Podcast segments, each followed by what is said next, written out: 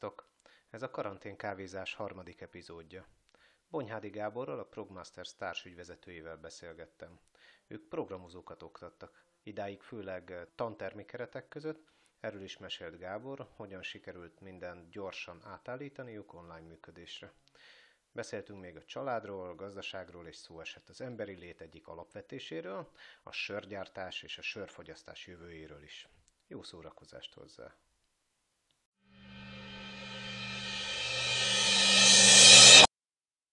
Szia, szia! Köszönöm, hogy elfogadtad a, a meghívást egy beszélgetésre. Az, tudod, hogy korábban a Ákossal, Deliág Ákos, Ákossal elkezdtünk egy ilyen beszélgetés sorozatot, hogy a magyar a startup élet, vagy, vagy IT, vagy egyéb szolgáltató cégeknek a, a tulajdonosaival, vezetőivel, vagy csak kollégáival, vagy bárkivel lényegében, akit a, a mostani vírusos, válságos időszak az szakmai oldalról érint. Velük beszélgetünk egyet, és meghallgatjuk egymás véleményét, hogy kit, kit hogyan érintett a, a, a vírus, őt, a cégét, a kollégáit, a, a családját, illetve természetesen kíváncsiak vagyunk mindenkinek a véleményére, hogy, hogy mit jelent ez most, illetve mit fog jelenteni a jövőben számunkra. Hogyan változik Szia, az élet. Péter. Szia Péter, um, igen, köszönöm szépen, és szerintem tök jó ez a kezdeményezés. Én is, amióta uh, elindult itt ez a, a elindultak a, a világjárvány kapcsán a megszorítások, meg a, a kényszerintézkedések, azóta én is tök, tök sok mindenkit felhívtam, hogy, hogy érdeklődjek, hogy ők hogy vannak, és milyen hatással van rájuk ez a vírusválság, a megszorítások, meg mit látnak, hogyan, milyen irányba megyünk. Szerintem tök jó, hogy ezt ilyen uh, transzparens módon elérhetővé teszitek. Uh, örülök neki, hogy van ez a kezdeményezés. Mondasz pár szót magadról, meg, meg a, a cégedről? Hogyne. A Progmasters programozó iskolának vagyok a társügyvezetője. Mi programozókat képzünk akik olyan, olyan, olyan programozókat, akiknek van valamilyen előzetes programozói tudása, de nem elég ahhoz, hogy, hogy maguktól el tudjanak helyezkedni programozóként a piacon. Őket képezzük öt hónap alatt ö, olyan, olyan fejlesztőké, akik, akik aztán utána teljesen piacképesek lesznek. Uh-huh. És ö, így igazából oktatási intézményként ö, ha, ha lehet így már igazából magáncég vagyunk, nem biztos, hogy oktatási intézménynek kell, kell, kell titulálni, de hogy, hogy így programozó iskolaként minket azért elég hamar érintettek a, a korlátozások, bár sokkal inkább olyanok vagyunk, mint egy munkahely, és ránk valószínűleg hivatalosan nem is vonatkozik az, hogy az iskolákat be kell zárni, meg nem vagyunk egyetem, nem vagyunk I... hivatalosan semmilyen intézmény. Ti csak offline oktattok? Hát azért ezt így, így ne, nehéz azt mondani, hogy, hogy csak offline oktattunk, mert most már teljesen átálltunk online-ra, de hogy előtte is azért a, a, a csak offline az olyan szempontból azért uh, nem, nem száz százalékig igaz, hogy a, a diákjaink igen, ben voltak minden nap reggel 9-től délután 5-ig a, a, az iskolában, de közben online ugyanúgy, mint ahogy a későbbiekben, ahogy, ahogy dolgozni fognak, meg ahogy a szoftverfejlesztők dolgoznak. Elég sok online eleme van az ő munkájuknak, például a, a nem tudom, Jirának a kezelése, meg, meg, meg a tananyagaink online elérhetőek, illetve a, az összes csapatunkat, akik programozónak tanulnak, kiegészítik tesztelők, kiegészítik product ownerek, scrum masterek, akik nem ugyanabban az oktatásban vesznek részt, és ők is online tartották a kapcsolatot. Tehát, hogy, hogy 9 ben kell lenni, ilyen szempontból offline volt a mi oktatásunk, igen, de mellette elég erős online kiegészítő elemei voltak. Uh-huh. És mikor döntöttetek úgy, hogy mindenkit hazaküldtök, diákokat, kollégákat? Amikor az egyetemeken át kellett állni online oktatásra, amikor kijött ez az első hír, akkor nálunk pont egy egyhetes tanítási szünet volt. Minden, minden csoportnak van, van kétszer egy-egy hét tanítási szünete, és az alatt az egy hét alatt felkészültünk, és az első nap miután visszajöttek az iskolába a diákok, már akkor sem tettük ezt kötelezővé, azt mondtuk, hogy csak az jöjjön be, aki úgy érzi, hogy be szeretne jönni, és velük együtt leteszteltük azt az oktatási metódust, amit kitaláltunk, amivel teljesen átálltunk online, és aznap volt az utolsó, hogy, hogy, hogy mindenki bent volt. Mhm. Akkor még volt lehetőségetek egy búcsú pálinkát meginni, és onnantól offline, vagy online távolról tudott mindenki részt venni, ugye? Kollégák is, meg, meg diákok is. Igazából szerintem Pálinka az pont nem volt bent nálunk az irodában, illetve én aznap már szintén nem voltam bent, de, de amúgy érdekes, amit mondasz, én, én nem neveznék semmiféle ilyen búcsúpálinkázást, vagy nem neveznék ki semmiféle búcsúpálinkázást. Holnap este is például együtt fogunk uh, kocintani a kollégáimmal, és uh, online természetesen, Zoomon, vagy Hangouton, vagy Skype-on, vagy nem tudom én, hogy, hogy mi lesz a technológia, de, de elég sokat konferenciáztunk előtte is, most is sokat konferenciázunk, és hogy, ahogy mondtad, egy picit a személyes részére is kitérek, az az érdekes, hogy nekem amióta, amióta önkéntes karanténban vagyok, azóta a szociális életem sokkal erősebb lett van két gyerekem, és így esténként úgy nem nagyon tudtam elmászkálni, így viszont vettem részt például olyan születésnapi buliban, ahol, ahol 20 percet voltam ott, nulla felkészülés, semmi, becsatlakoztam egy Zoom beszélgetésbe, ott voltunk tizenvalahányan vagy huszan, dumáltunk egy jót, és aztán utána én ki is csekkoltam, amit nem tudtam volna megtenni, hogyha, hogyha el kell oda menjek mhm. személyesen. E, egyébként igen, tehát ez a, a folyamatos online és csak online jelenlét, ez arra ösztönöz minket, hogy, hogy ezeket a töredékidőket használjuk ki, amikor ugye nincs utazás, nem egy értelmezhető meeting az nem feltétlenül egy óra, hogy oda kell menned beszélgetni és eljönni, hanem tényleg egy ilyen néhány perces énekelsz egy happy birthday to you-t, aztán utána le is telted a telefont. Igen, igen, igen, igen, igen. Az az érdekes, hogy hogy pont, pont tegnap így is osztottam meg talán ezt a, a Facebook oldalunkon, mivel oktatási intézmény vagyunk, láttam ezt már más oktatási intézményektől is, de mi is leírtuk a, a, azokat a tanulságokat, hogy hogyan tudtuk három nap alatt teljesen átállítani online a teljes oktatásunkat. Persze ennek kellett, hogy legyen sok előfeltétele, hogy a tananyagunk már megvolt az egész online egy saját tartalomkezelő rendszerben, meg hogy, hogy van, van mellette online csatorna, ahol amúgy is kommunikáltunk a diákokkal, meg egymás között. Tehát ezek voltak ilyen előfeltételek, de igazából tényleg egyik napról a másikra át tudtunk állni pár technológiának a segítségével, és erről uh, írtunk is egy blogposztot, hogy, hogy hát ha ebből tud valaki tanulni, pár egyetemi tanár ismerősöm már kérdezte is, meg konferenciás szervezők is kérdezték tőlem, hogy mi ezt hogyan csináltuk, és ilyen tudásmegosztás miatt ezt mi, mi elérhetővé tettük. Igazából semmi ilyen hatalmas nagy tudás nincsen benne, szerencsére rengeteg technológiai platform van, ami ezt tudja segíteni, és, és, és tegnap is úgy osztottam meg, hogy, hogy egy nap alatt, vagy igazából három nap alatt úgy álltunk át, mint hogyha ezt az egész oktatási rendszerünket így terveztük volna eredetileg. Tehát ez számomra is nagyon meglepő volt, hogy, hogy ez ennyire ilyen egyszerűen és, és smooth meg tudott történni. Aha, és mi a tapasztalat egyébként ilyen előtte, átállás előtt, átállás után? Mik, mik voltak a, a jó és rossz dolgok? Mi az, ami jól változott, mi az, ami rosszul? Nekem a, most egy kicsit a személyes részével kezdem. Nekem nagyon nagy meglepetés az, hogy tudok itthonról dolgozni. Én, én, én mindig saját magamnál nagyon az ellen voltam, hogy, hogy, én, hogy én itthonról dolgozzak.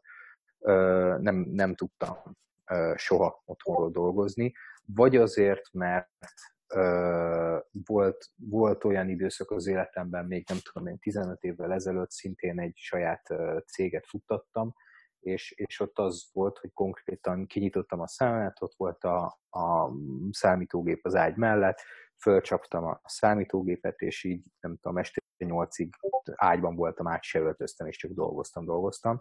Tehát, hogy vagy, vagy ez volt az én problémám, vagy amióta családos vagyok, azóta nem hittem volna, hogy tudok úgy dolgozni, hogy közben a gyerekek ne vonják el a figyelmemet.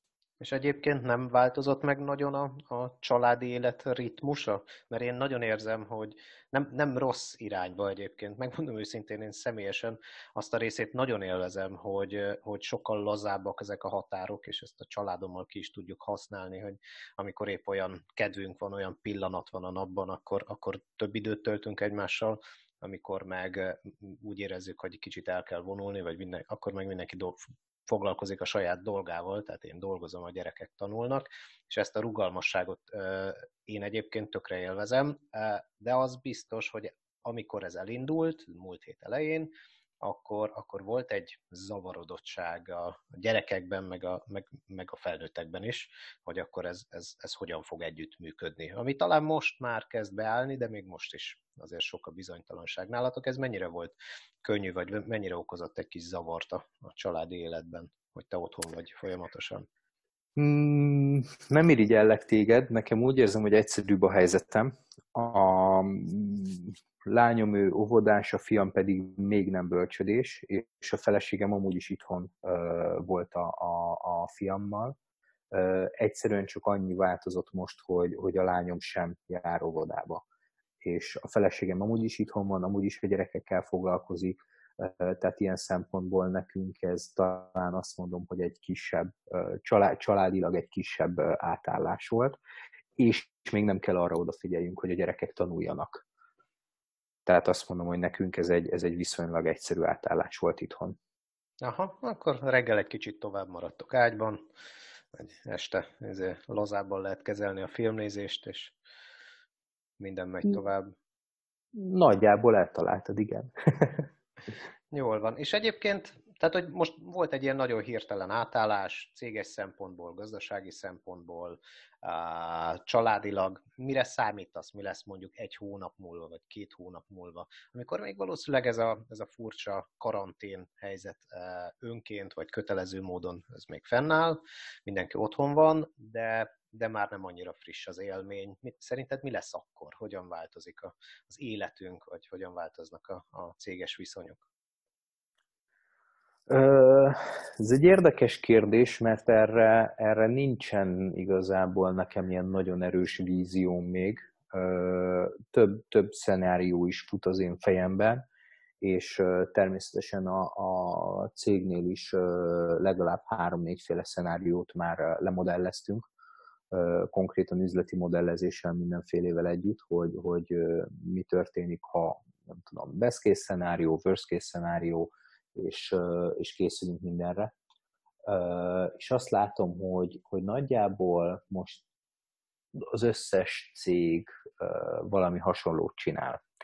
És egyrészt azt látom, hogy a mi életünkben ez egyáltalán se családilag, se a cég életében nem kell törést okozzon, hogy mi tudjunk így működni, de a, a piaci változások, illetve majd a sokak által emlegetett válság vagy gazdasági válsághatások, azok viszont biztos, hogy kihatással lesznek a, a cégünknek az életére. De egyelőre még nem látjuk, hogy, hogy, hogy ez milyen mértékű, és persze van olyan szenáriónk is, amikor azt mondjuk, hogy ez pozitív, mi inkább negatívra készülünk, de, de ennek nagyon sokféle lefolyása lehet. Programozó iskolaként nekünk két különböző irányra kell folyamatosan figyelnünk. Az egyik az a diákoknak a bemenete, hogy, hogy legyen megfelelő mennyiségű, jó minőségű előzetes tudással rendelkező diák, akit, akit tudunk oktatni. A másik pedig a kimenet, ami, ami, ami nálunk azt jelenti, hogy, hogy nekünk a sikerességünket, meg a mi elégedettségünket az okozza, hogyha az összes diákunkat el tudjuk helyezni partnercégeknél. És van közte az oktatás, amit már megoldottunk, tehát abban, abban szerintem tök jól átálltunk. Én nagyon remélem, hogy, hogy a következő induló csoportunk, ők nem teljesen online fognak uh, uh, tanulni, hanem, hanem egy idő után már remélem, hogy túl leszünk ezen a karantén időszakon, és, és elmúlik a járvány, és be tudunk menni újra dolgozni, és a diákok ott tudnak együtt, fizikailag is együtt lenni, nem csak virtuálisan. De a bemenet, illetve a, a céges kimenet oldal, tehát a, a diákoknak az elhelyezési oldala, az, az, az kérdéses még. A bemenetnél azt látjuk, hogy Egyelőre sokkal több jelentkezőnk van, mint korábban. Ezt annak tudjuk be, hogy, hogy az emberek érzik azt, hogy na most érdemes váltani, hogy, hogy, hogy ha, ha már úgyis otthon kell lennem, ha már megszűnt a, a munkám, vagy nem tudok bejárni, dolgozni, mert olyan helyen dolgozom, ahol, ahol kifejezetten fizikai, nem, nem feltétlenül fizikai munka, de hogy fizikai jelenlét lenne szükséges mint például a vendéglátóiparban, ahol, ahol nem tudják az embereket alkalmazni. Ott, ott azt látom, hogy nagyon sok helyen igény lehet arra, hogy, hogy elkezdjenek tanulni valamilyen más jövőbiztosabb szakmát. A, tehát azt mondom, hogy, hogy úgy érezzük, hogy a bemeneti oldal az, az nekünk most nőni fog, tehát több jelentkezőnk lesz. A kimeneti oldalnál pedig nagyon kérdéses még, hogy, hogy, hogy milyen irányba fogunk haladni. Vannak olyan szektorok, ahol, ahol most a, a válság és a karantén az, az valószínűleg erősíteni fogja a szektort, és az előző válságban is már látszódott, hogy a digitális szektorok azok, azok erősödtek, vagy azok voltak, akiket a legkevésbé érintett a válság, most is ezt prognosztizálom, hiszen most a, a válság nem csak egy, tehát hogy nem egy gazdasági ö, ö, helyzetből adódóan indult, hanem, hanem egy egészségügyi helyzetből, nem tudnak kimenni az emberek az utcára, ergo sokkal több ö, online eszközre, sokkal, több, sokkal erősebb digitális átállásra lesz szükség, így azt valószínűsítem középtávon vagy közép-hosszú távon, hogy azért a programozók iránti kereslet is nőni fog. Viszont a nagyon rövid távú hatások, azok látszódnak most is, hogy, hogy vannak cégek, ahol már létszámstoppot rendeltek el, vannak megrendelések, amiket már, már ügyfeleinknél mondanak le, és természetesen vannak olyan szektorok, ahol, ahol, ahol nem azt mondom, hogy teljes leállás van, de hogy azért nagyon, nagyon erős a, a, a mostani kihívás számukra. Értem. Én, egyébként én is nagyon hasonlóan látom, hogy ugye egy kicsit a, a múlt, a, a válság vagy a vírus előtti időszak, a jelenlegi, illetve a következő egy-két-három hónapban várható ilyen, ilyen nagyon limitált mozgásterű időszak, és a, és a hosszú távú, uh, ugye amikor majd véget ér ez a karantén, és akkor újra indulhat a gazdaság szép fokozatosan, különböző részei valószínűleg más-más dinamikával, hogy ezek, ezek között nagyon éles a különbség. Tehát, hogy volt, volt a múltban, én úgy gondolom, hogy azért már egy elég lufi ö, ö, állapotban volt a gazdaság, amikor nagyon, nagyon sok minden túl pörgött és, és túl nagyra fújódott. Valószínűleg azért is tudott ilyen hirtelen leállni, vagy fékezni a gazdaság sok területe, mert, mert nagyon, nagyon nagyból hirtelen tudtunk leereszteni egy nagyon túlpörgetett, az ellátási láncokat végtelenül kihasználó, tartalék nélkül működő gazdaság kénytelen volt egy nagyon nagyot fékezni. Az, az biztos, hogy a következő két-három hónapban a, a legtöbb cégnek az elsődleges prioritása az a, a gazdasági pénzügyi helyzetének a stabiliz, stabilizálása lesz, tehát meg kell tudniuk érteni, meg kell látniuk, meg kell tudni sejteni, hogy mennyi bevételre számíthatnak már a közeljövőben, és, és ehhez hozzá kell vágni a, a, a költségvetésüket, a, a büdzséjüket, egyértelműen azok a cégek jó helyzetben vannak, akik egy szép nagy tőkén, sok finanszírozáson, esetleg ugye startupok üldögélnek, nekik, nekik azért nagyobb a mozgásterük, de, de az látszik, hogy aki ezt a következő egy-két-három hónapot túléli, viszonylagos stabilitással, és hát sajnos ennek az óhatatlanul is része az, hogy, hogy egy csomó cég elkezd vadul költséget csökkenteni, mert ha nem éli túl, akkor a hosszú távon még a növekedő területeken, vagy a, a növekedő iparágakban sem tudott lenni a rajtvonalnál, és nem tud részesedni abból, hogy akkor viszont el, akár elhalasztott beszerzések, akár csak a piac növekedése miatt ott egy ilyen növekedő felszívó hatás lesz, ami az ott a, rajt, a rajtvonalnál lévő cégeket viszont erősen fogja tudni segíteni. Tehát szerintem most, most így szétválik, mi volt, nagyon hirtelen váltás, mi van a következő három hónapban, ami egyértelműen a, a, a stabilizálásról, a, a, illetve a, a veszteségcsökkentésről szól, amit óvatosan kell persze csinálni, nem szabad túltolni, annyira kell tudni a stabilitást megőrizni, hogy amikor megindul a, a növekedés a piacokon, akkor a cégek újra együtt elkezdenek tudnak majd növekedni, és el tudják kezdeni felszívni az erőforrásokat, és tudják növelni a megrendelés állományukat, a, a, a bevételeiket.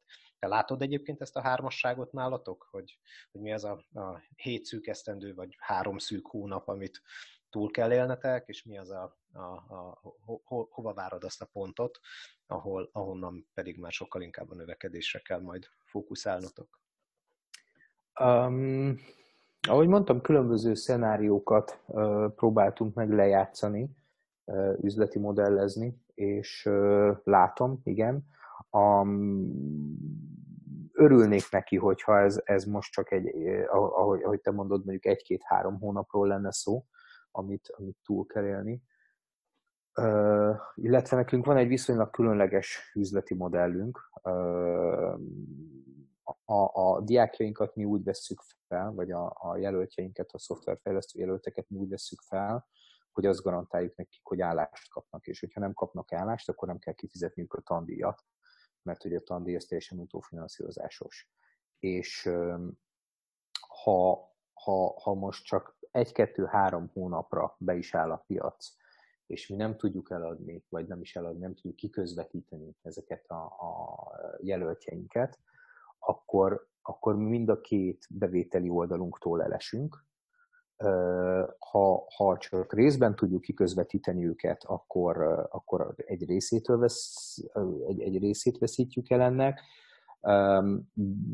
de, de ha, ha egy-két-három hónap lenne, akkor nálunk semmilyen uh, uh, problémát nem okozna. Tehát, hogy, hogy még csak likviditási problémánk sem lenne. Ha, ha eltart ez a, a válság és a, a, nem tudom, a karantén év végéig, na akkor már valószínűleg sokkal erősebb megszorítások lesznek a, a partner cégeinknél, és amúgy nálunk is. Szerencsére azt mondom, hogy, hogy év végéig mindenféle változtatás nélkül valószínűleg el fogunk tudni üzemelni. Uh-huh. Értem, értem, értem. És mit látsz egyébként nálatok, akár a családban, akár a, a, a környezetedben, kollégáitoknál két hónap múlva ez a fajta hmm, nem is optimizmusnak hívnám, inkább ilyen, ilyen olyan jókedélyűség, ami ugye elfogadja azt, hogy most megváltozott az életünk, és, és, és hozzuk ki belőle, amit, amit csak lehet. Ez, ez föntartható? Gondolod, hogy, hogy két hónap múlva még ugyanúgy esténként összeültök egy Zoom session mellett sörözni vagy pálinkázni, és be fogsz köszönni két hónap múlva is az ismerősök szülinapjára, egy negyed órára? Szerintem Ö, szerintem sokkal inkább, igen. Sokkal inkább, mint most, mert egyre, tehát egyre több igényünk lesz a, a közösségi érintkezésekre, és, és nem lesz más módja. Tehát én, én, azt, én azt prognosztizálom, hogy, hogy ez, ez, ez meg fog maradni. Az, hogy közben az embereknek így azért tele lesz a hócipője, és már nagyon kimozdulnának, meg nem tudom, utaznának valamerre, az biztos, hogy így lesz, de uh, aki elfogadja ezt az állapotot, azt szerintem ki tudja belőle hozni a legtöbbet. Uh-huh. Értem, értem. Egyébként ti terveztek valamilyen utazást? Családilag, nyáron, mire számítasz akkor már? Én, én őszintén, én arra, hogy, hogy, hogy, hogy nem lesz idén nyár. Már mint ezt úgy értem, hogy, hogy, hogy így az egész országnak kb. most el, elúszott a nyári szabadsága, és, és nem lesz nyár, dolgoznia kell valószínűleg mindenkinek. A, terveztünk volna egy utazást, de arról már lemondtunk ilyen májusban. A, nyáron nem tartom valószínűleg, hogy, hogy menni, menni tudunk, vagy mennyi érdemes még mindig, illetve egy, egy utunk van betervezve szilveszterkor, egy sielés, amit örülnék, hogyha már addigra normalizálódna a helyzet, és el tudnánk menni. De addig nem nagyon látom, látom azt, hogy, hogy lesz reális esélyünk kimozdulni. Uh-huh. Ú, én, én, ugye nekem kamasz fiaim vannak, úgyhogy nekem egyetlen nagyon komoly reményem a nyárra, hogy a nyári táborokat még meg fogják tartani, úgyhogy lehet ilyen, ilyen hogy is mondjam, ilyen külső helyszínre exportálni a, a gyerekeimet egy pár hétre, és akkor, akkor egy kis egyedüllét így pár hónap után, vagy kettesben a feleségemmel, az, az már nagyon jó, jót fog tenni szerintem akkorra. Neked az a kisebb gyerekekkel egy kicsit más, de, de, de azért az én kamaszfiaim, az, tehát hogy ők időnként megkarcolják az üveget, és velük velük sokszor nehéz. E, a másik meg, hogy mi egyébként, e, egyébként is a feleségemmel az elmúlt pár évben, én, én fiatalkoromban nagyon sokat túráztam, aztán amikor kicsik voltak a gyerekek, ez nagyon sokáig kimaradt, mert próbáltuk őket cipelni házon, háton, meg, meg húzni magunk után a sárban, és, e, és nem, nem vált be, tehát hogy nem, nem volt őszinte a mosolyuk a, a nap végére, úgyhogy ezt elengedtük, és, és egy két-három éve, amikor elég nagyok lettek ahhoz, hogy önállóan egy-két hétre el lehet őket küldeni ilyen mindenféle nyári táborokba, akkor újra elkezdtünk túrázni. Úgyhogy, úgyhogy akár, akár ilyen vízi, vízi túrázások Magyarországon, de akár mindenféle hegyi túrázások, így, így szeretünk elveszni az erdőbe, akár, akár egy hétre is. Úgyhogy e, ebben nálunk olyan jelentős változás egyébként nem várható. E, talán egy kicsit többen lesznek az erdőben szerintem, így, így hogy kevesebben mennek, utaznak messzire de, Igen. de én se gondolom azt, hogy itt gyökeresen megváltozik. De a kérdés például, hogy lehet-e majd strandolni. Tehát, hogyha még ugye járványveszélyes időszak lesz nyáron, akkor valószínűleg azért a strandok nem nyitnak ki, vagy csak vegytiszta klórban lehet fürdeni a strandon. Ez elképzelhető. Amit mondasz amúgy, az szerintem um, igaz, tehát, hogy valószínűleg többen lesznek az erdőben, most, hogy az emberek be vannak zárva a lakásukba, valószínűleg a természetnek, a, a természetközeliségre az igény az nagyobb lesz. Uh-huh. Jól van. És uh, említetted, hogy, hogy ugye több szkenárióval számoltok, hogy mikor indul meg ez a gazdasági növekedés, és, és azzal meg egy tökre egyetértek, hogy az első néhány szűkös hónap után, amikor kiderül, hogy mik azok a gazdasági ágazatok, amik és mik azok a cégek, akik, akik tudnak ebből valamennyire profitálni, a más nem azért, mert a, a versenytársaik kipotyognak, ők el fognak tudni, és el kell nekik kezdeni fejleszteniük, és például a munkafolyamatoknak a digitalizációja, ami egyébként az elmúlt egy-két évnek már így is egy ilyen elég erős buzzwordje volt, az most még inkább lendületet vesz, tehát a cégek arra fognak, abba fognak egy csomót investálni, hogy ne embereken múljon, ne csak az ember fölvételi munkába állítási képességükön múljon az, hogy, hogy hogyan megy a cég, hogyan tudnak termelni, vagy hogyan tudnak eladni, hanem sokkal több mindent akarnak majd automatizálni és digitális platformokra átültetni. Szerintem ez, én is úgy érzem, hogy ez az IT fejlesztési, meg általában minden informatikai munkakörben ez egy, ez egy piac erősítő hatás lehet. A, a, a nagy kérdés, hogy mikor és milyen dinamikával indul meg majd ez a változás. Igen, ez a kérdés bennünk is, mert uh, ahogy mondtam, hosszú távon mi abban szinte biztosak vagyunk, hogy uh, hogy uh, uh, ennek pozitív hatása lesz a, a, a digitalizációra, az IT-iparra, stb. Uh, de, de én már régóta mondom, hogy nincs olyan, hogy, hogy IT-ipar, hiszen mi, meg, meg nem tudom, digitális ipar, hiszen minden szektor már digitalizálódik, és ebből adódóan viszont, ha az összképet nézzük, akkor ott van az a veszélyforrás, hogy azok a szektorok, ahol szintén digitalizálódnának, de maga a szektor nincs olyan állapotban, hogy bármennyire is fejlődjön, ott mi fog történni. Uh-huh. Jó példa az, hogy, hogy, hogy, hogy most például bankoknak az online bankinget, meg az online tranzaktálásokat, azokat sokkal-sokkal erősebben kell csinálniuk. Valószínűleg a, a, ott a fejlesztések azok, azok erősebbek lehetnek, de például a, a, az autóipar, ami szintén nagyon erősen digitalizálódik, ott, ott, hogy most nem lesznek autóeladások, egyrészt azért, mert az emberek nem mennek ki autókat próbálgatni, nem mennek el használt autókat nézni sem, illetve hogyha ha ez sokakat érint gazdaságilag majd közép-hosszú távon, hogy nem tudom, nincsen munkájuk, akkor nem is lesz miből autót vásároljanak, akkor az autópiacra, ami például egy nagyon digitalizálódó szektor most, arra azért ez sokkal erősebben lesz. Ez így van, ugyanakkor én az autó szektorban is azt várom, hogy egy ilyen, kicsit egy ilyen néhány hónapos ilyen rezetelés, ilyen, ilyen, ilyen befagyasztása a piacnak, az már folyamatban lévő változásokat fog nagyon durván meggyorsítani.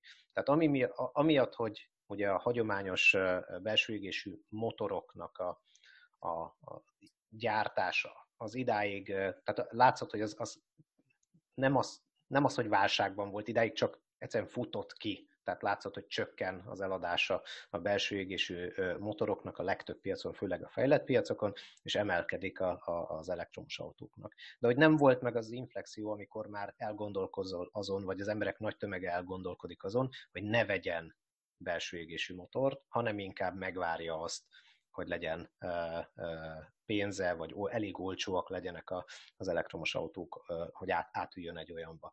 Most lehet, hogy lesz egy hat hónap kényszerű szünet, amikor az emberek vagy azért, mert nem akarnak elmenni autót próbálgatni, vagy fene tudja miért, de elhalasztják ezeket a beszerzéseiket.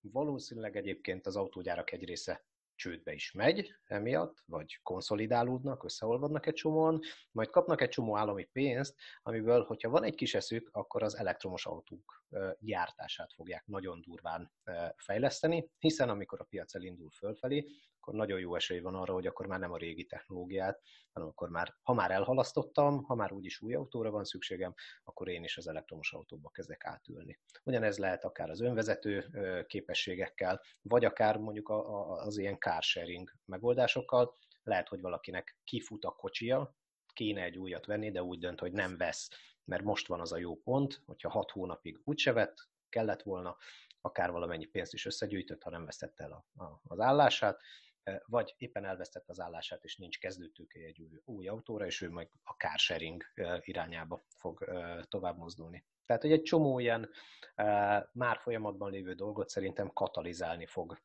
ez a, ez a válság, és átlendíti egy, egy másik növekedő pályára. Ezzel egyetértek, de, de az én fejemben van egy ennél, ennél sokkal borúsabb szenárió is, hogyha ha sokan veszítik el az állásukat, akkor, akkor nekik évek kellenek majd ahhoz, hogy, hogy, hogy újra azon tudjanak gondolkodni, hogy lecseréljék az autójukat. És, és nem, nem a, a belső égési motor versus elektromos autó lesz a legnagyobb kérdéskörük most. Uh, Tehát ezt hat hónap nem fogja megoldani. Persze, ebben teljesen igazad van.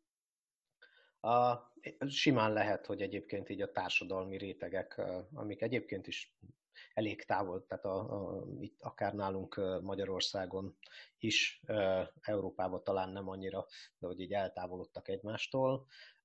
lehet a válságnak egy olyan hatása, hogy itt még jobban szétcsúsznak, és sokkal kisebb, szűkebb lesz az a, az a, a fizetőképes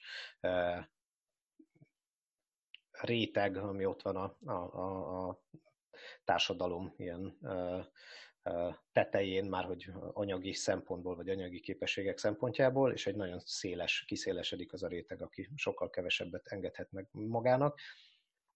Egyébként hogyha bár mindenben a jót keressük és menne tennénk, akkor ez viszont egy nagyon erős fogyasztás visszafogó hatású.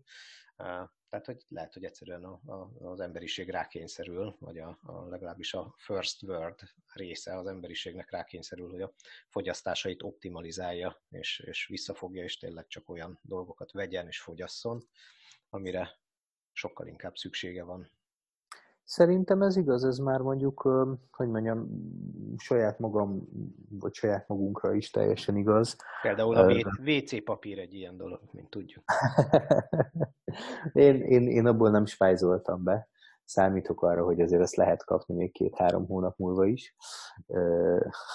Igazából semmiből nem spájzoltunk be, így nem, nem, nem is járunk ki boltba. Sokkal igénye, sokkal nagyobb tervezést igényel az, hogy hogy mikor mi legyen itthon, de tudunk három héttel előre tervezni. Tudjuk, hogy három hét múlva jön a következő élelmiszer szállítmány a Tesco-tól, és tudjuk, hogy közte nem tudom én másfél hetente tudunk zöldséget, meg nem tudom én hetente egyszer tudunk húst rendelni, és akkor ezeket így teljesen jól be lehet osztani. Uh-huh.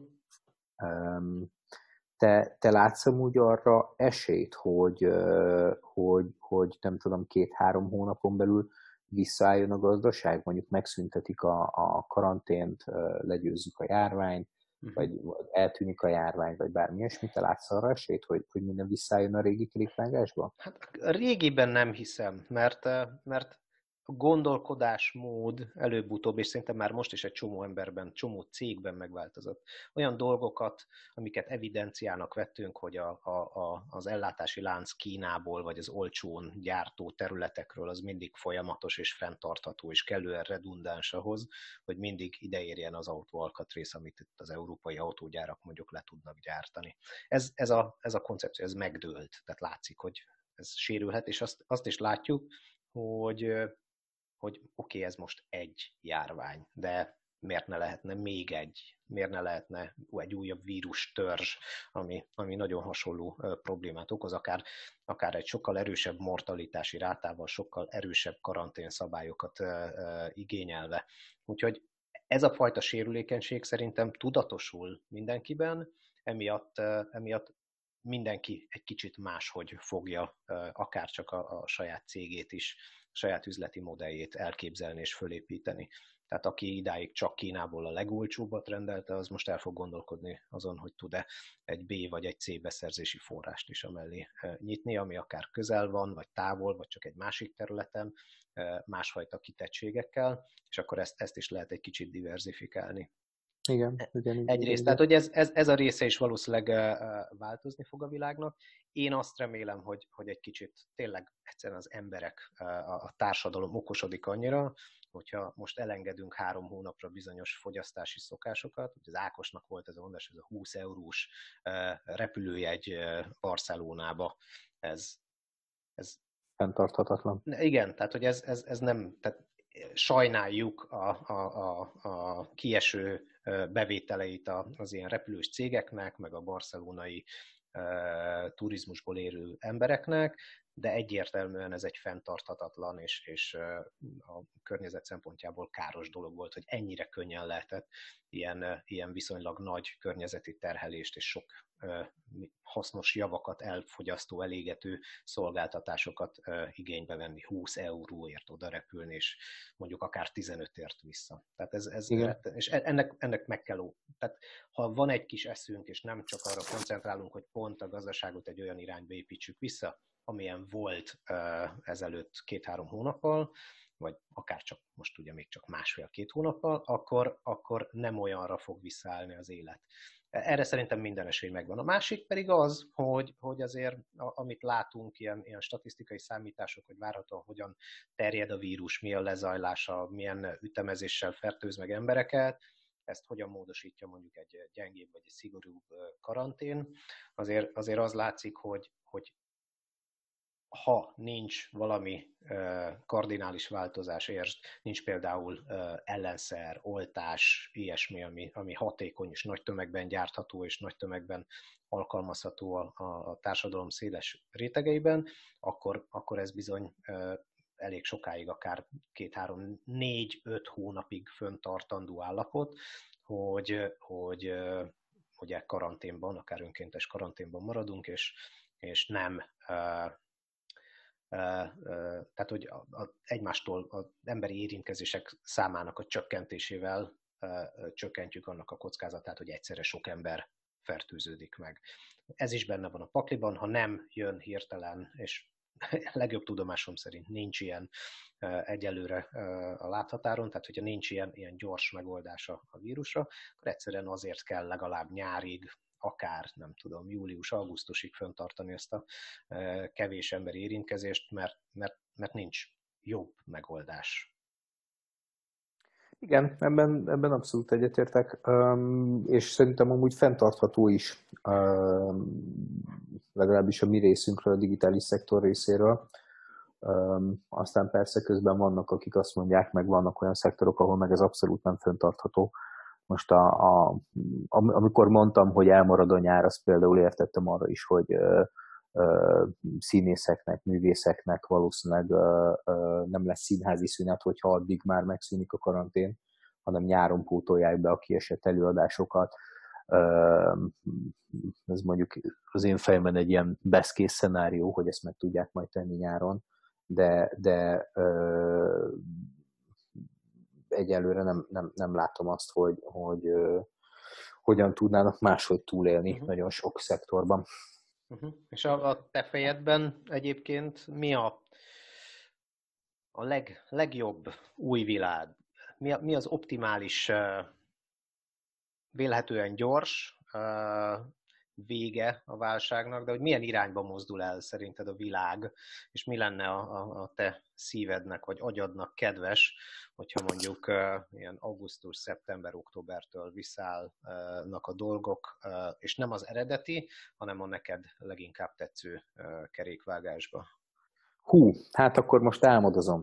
Szóval nézzük csak.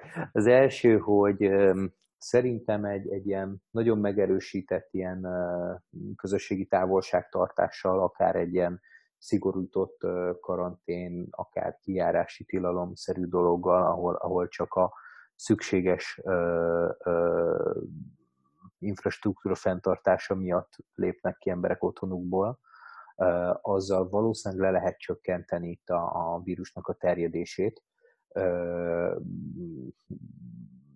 és akkor az én fejemben az van, hogy, hogy akkor ez mondjuk akkor nyárig megoldódik, és utána pedig én azt mondom, hogy az én, az én fejemben a mi szempontunkból, tehát hogyha most a gazdasági szempontból nézem, hogyha, hogyha ez a válság kiváltja azt, hogy, hogy több digitális fejlesztésre, több digitális szolgáltatásra van szükség, és emiatt többen elkezdenek megtanulni programozni, több cégnek lesz szüksége még több programozóra, és, és olyan szektorok is elkezdenek még erősebben digitalizálódni, ahol, ahol ez eddig nem volt feltétlenül jellemző. Ez volna az egyik. A másik pedig, amit már te is elkezdtél itt pedzegetni, hogy, hogy a, a környezeti hatásokra kicsit jobban oda figyelünk majd ezután. Tehát, hogy például a kokáért, hogy, hogy nem kell mindent, nem tudom én, Kínából rendelni, vagy multiáruházaktól venni. Nekem nagyon üdítő példa az, amikor látom, hogy a sarki kisboltok átállnak kiszállításra, mert nekik ez a túlélés kulcsa.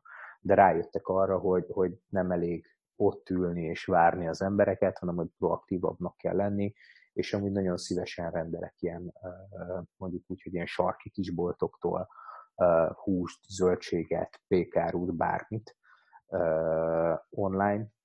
Vannak, vannak, akik ezt úgy oldják meg, hogy, hogy egy, nem tudom én, egy Excel fájlba vagy egy Word dokumentumba leírják azt, hogy mit lehet tőlük rendelni, és telefonon veszik fel a rendelést. Ha ez náluk most működik, akkor előbb-utóbb ők is digitalizálódni fognak, illetve ami szerintem még fontos, hogy, hogy ez a, a helyben termelést, meg a, a helyben utazást valószínűleg erősíteni fogja ez a válság most. Uh-huh. Jó, ezek mind nagyon szép és pozitív fejlemények lennének, reméljük így is. Hát ez, ez volt a kérés, igen, ezek csak igen. a pozitívak voltak. Igen. Még, még egy utolsó kérdés, hogy szerinted hogy fognak például a gyerekeid, vagy hogy fog a családod, vagy hogy fogsz te emlékezni erre az időszakra, erre a vérhetően 2-3-4 hónapra, mondjuk 5 vagy 10 év múlva? Szerintem a gyerekeim nem fognak rá emlékezni. Én pedig talán, talán azt gondolom most, hogy úgy fogok rá emlékezni, hogy, hogy legalábbis remélem, hogy ez lesz a, az emlékképem, hogy ez egy, ez egy figyelmeztető jel volt, amit mi most kaptunk arra vonatkozóan, hogy, hogy a fogyasztásunk és az észszerű emberi, emberi kereteknek a betartását, azt, azt figyelnünk kell. Uh-huh. Jól van, jól van. Akkor nem tudom, neked van esetleg kérdésed? Amit még itt... Um, igazából, amit, amit szerettem volna, én még az, azt, azt boncolgatnám esetleg, hogy te hogy látod azt, hogy, hogy mi lesz itt a best case szenárió, vagy, vagy szerinted uh-huh. lesz best case szenárió? Uh-huh. E, igen, én is, uh, én is azt remélem, hogy uh, azok a változások, amik most kényszerűen megtörténnek, és egyébként nagyon sok esetben fájdalmasak, azok lehetőséget teremtenek arra, hogy, hogy dolgok jó irányba változzanak.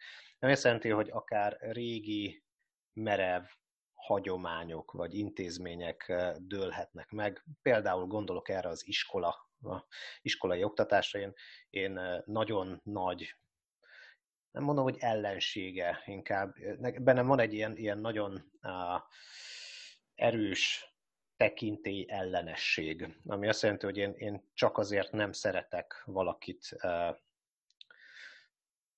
tekintélyesnek gondolni, vagy, vagy, vagy, vagy az ő szavára adni, mert, mert valami cím, vagy név, vagy pozíció tartozik hozzá, hanem szeretem, hogyha ezt az emberek alátámasztják, és van, van nekik valami, van, van, van egy olyan kvalitásuk, ami miatt megéri őket tisztelni. És amit nagyon éreztem például az iskolában, hogy ez egy annyira a hierarchiára épülő intézmény még itt nálunk, hogy, hogy az iskolákban csak azért lehet, hogy tanár jó vagy rossz, tök mindegy, ő egy tanár és egy pozícióból beszél, és maga az egész oktatás erre épül, hogy neki igazság szerint nem jónak kell lenni ahhoz, hogy jó tanár legyen, hanem, hanem akármilyen tanár akkor is ő pozícióból kiosztatja a házi feladatot, számon kéri úgy, ahogy szeretné, tanítson úgy, ahogy, ahogy nem tudom.